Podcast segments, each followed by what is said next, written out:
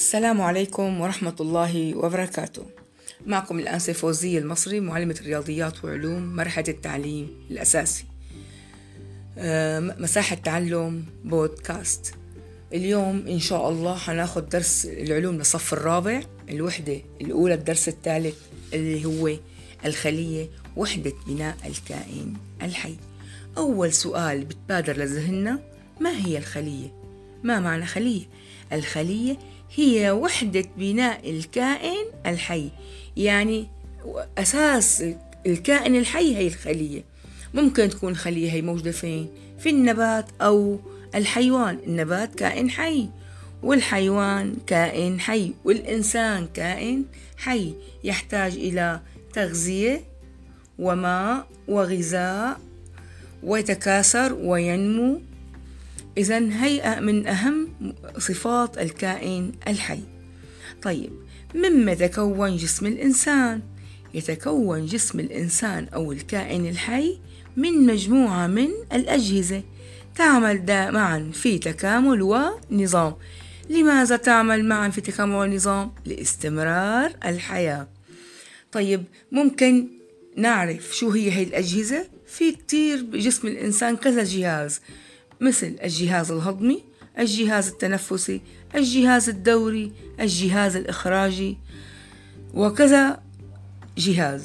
طيب مما تتكون هذه الأجهزة؟ تتكون من مجموعة من الأعضاء. كل جهاز له مجموعة من الأعضاء بتكونه. طيب يا ترى ما هو ما معنى عضو؟ ما معنى عضو؟ العضو هو أنسجة قد تكون متشابهة أو مختلفة إذا يتكون العضو من أنسجة قد تكون متشابهة أو مختلفة ما معنى أنسجة؟ النسيج يتكون من مجموعة متماثلة من الخلايا يعني خلية زائد خلية زائد خلية نفس الشكل متماثلة بتكون نسيج طيب تعالوا ناخذ النبات يا ترى ما هي أعضاء النبات؟ أعضاء النبات مثل أول شيء عضو الجذر نبدأ من تحت لفوق نحن. عضو الجذر عضو الساق عضو الأوراق. وكل عضو من هذه الأعضاء يتكون من أنسجة ممكن تكون متشابهة أو مختلفة. طيب يا ترى هلا هيك نحن عرفنا إنه هنا هناك خلايا حيوانية وخلايا نباتية. طيب الخلا الخلية الحيوانية ما هو ما هي تعريفها؟ هو هي وحدة بناء جسم الحيوان أو الإنسان طيب الخلية النباتية وحدة بناء النبات وحدة بناء النبات طيب إذا هلأ الخلية لو لو تكاثرت خلية زائد خلية زائد خلية شو بتكون؟ تكون نسيج نسيج زائد نسيج زائد نسيج شو بيعطينا؟ بتكون أعضاء. عضو مع عضو مع عضو بيكون عنا جهاز من أجهزة الكائن الحي سواء كان نبات أو حيوان. طبعا عندما تجتمع جميع الأجهزة في جسم الكائن الحي جهاز العصبي جهاز البولي جهاز الإخراجي جهاز الهضمي التنفسي تكون في الآخر جسم الكائن الحي. جسم الكائن الحي. طيب لو أخذنا هلا إحنا مثال حناخد نبات البصل مشان نشوف كيف تكون خلايا بتكون آه، متشابهة أو مختلفة. بناخد نبات نبات البصل وبناخد ملقط وعدسة مكبرة آه، وميكروسكوب وشريحة زجاجية. آه، إذا إذا طلابي الله يعطيكم العافية حبايبي إذا في معكم كتب صف على صفحة 23 بتشوفوا من وبناخد إحدى أوراق نبات البصل الداخلية وبنستخدم شو؟ بنستخدم الملقط عشان ننزعها برفق عشان شو؟ نحافظ عليها طيب وبنستخدم عدسة مكبرة لفحص بشرة ورقة البصل بعد وضعها على سطح مستوي من شريحة زجاجية ماذا نلاحظ؟ نلاحظ أنه نسيج البشرة في ورقة نبات البصل. البصل يتكون من وحدات متشابهة. ماذا تسمى؟ تسمى الخلايا النباتية. الخلايا النباتية. ومنلاحظ بالصورة إن كلها شو كانت هون؟ وحدات كلها متشابهة. نفس الشكل. نفس الشكل. طيب لو اجينا نفحص خلية حيوانية حناخد برضو مثال. حنجيب شريحة جاهزة لجزء, لجزء من الغشاء الداخلي الرقيق لبطانة الفم. لو حدا منا شرب مثلا شفة شاي كانت كتير سخنة ما انتبهنا. أو شربنا شوربة أو أكلنا هيك أكلة سخنة كتير. شو منلاقي؟ الغشاء الرقيق اللي جوا بطانة الفم. منلاقيه شو؟ احترق شوي أو الجلدة هيك شوي انهرت صح؟ طيب ممكن ناخد هاي ونحطها على الميكروسكوب ونشوفها بشو. بال ونفحصها بش... خلال هذا الجهاز. شو منلاقي؟ منلاقي شو؟ إنه هذا النسيج المبطن يتكون من وحدات متشابهة تسمى الخلية الحيوانية. الخلية الحيوانية. طب تعالوا هيك نتعرف على التركيب المبسط للخلية. هي اللي نحن عم نحكي عليها. من شو بتتكون؟ أول شي بتتكون من النواة. النواة لو حدا معه كتاب كمان يفتح صفحة خمسة وعشرين شوفوا النواة بالخلية. هون عندنا خلية حيوانية وفي خلية طبعا نباتية. أول شي حنشوف الخلية الحيوانية. أول شي فيها النواة هي النقطة الغامقة. تنظم العمليات الحيوية في الخلية.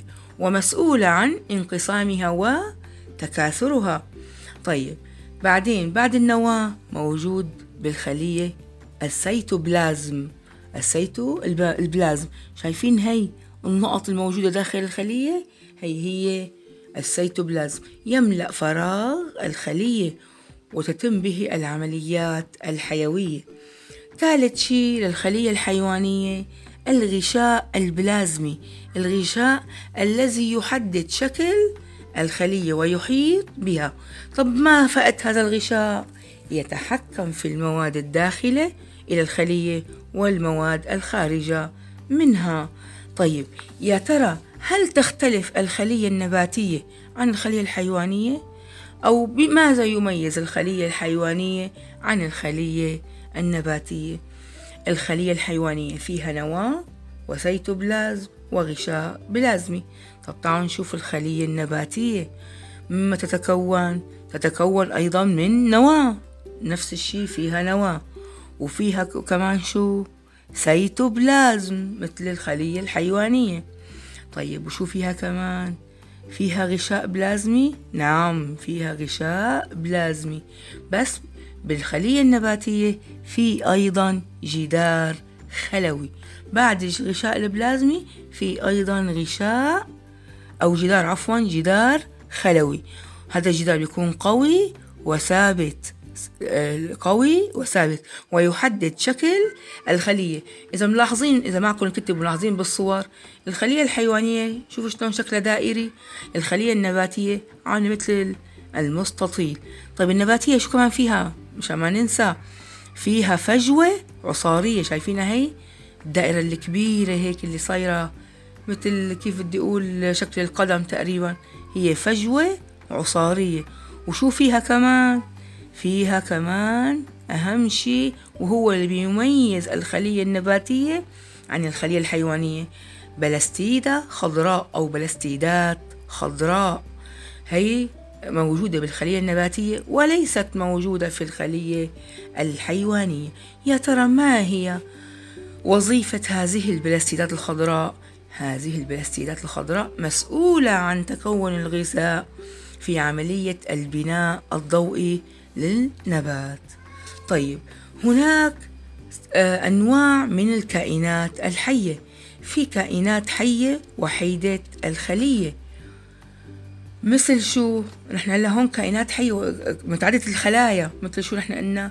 الخلية النباتية أو الخلية الحيوانية.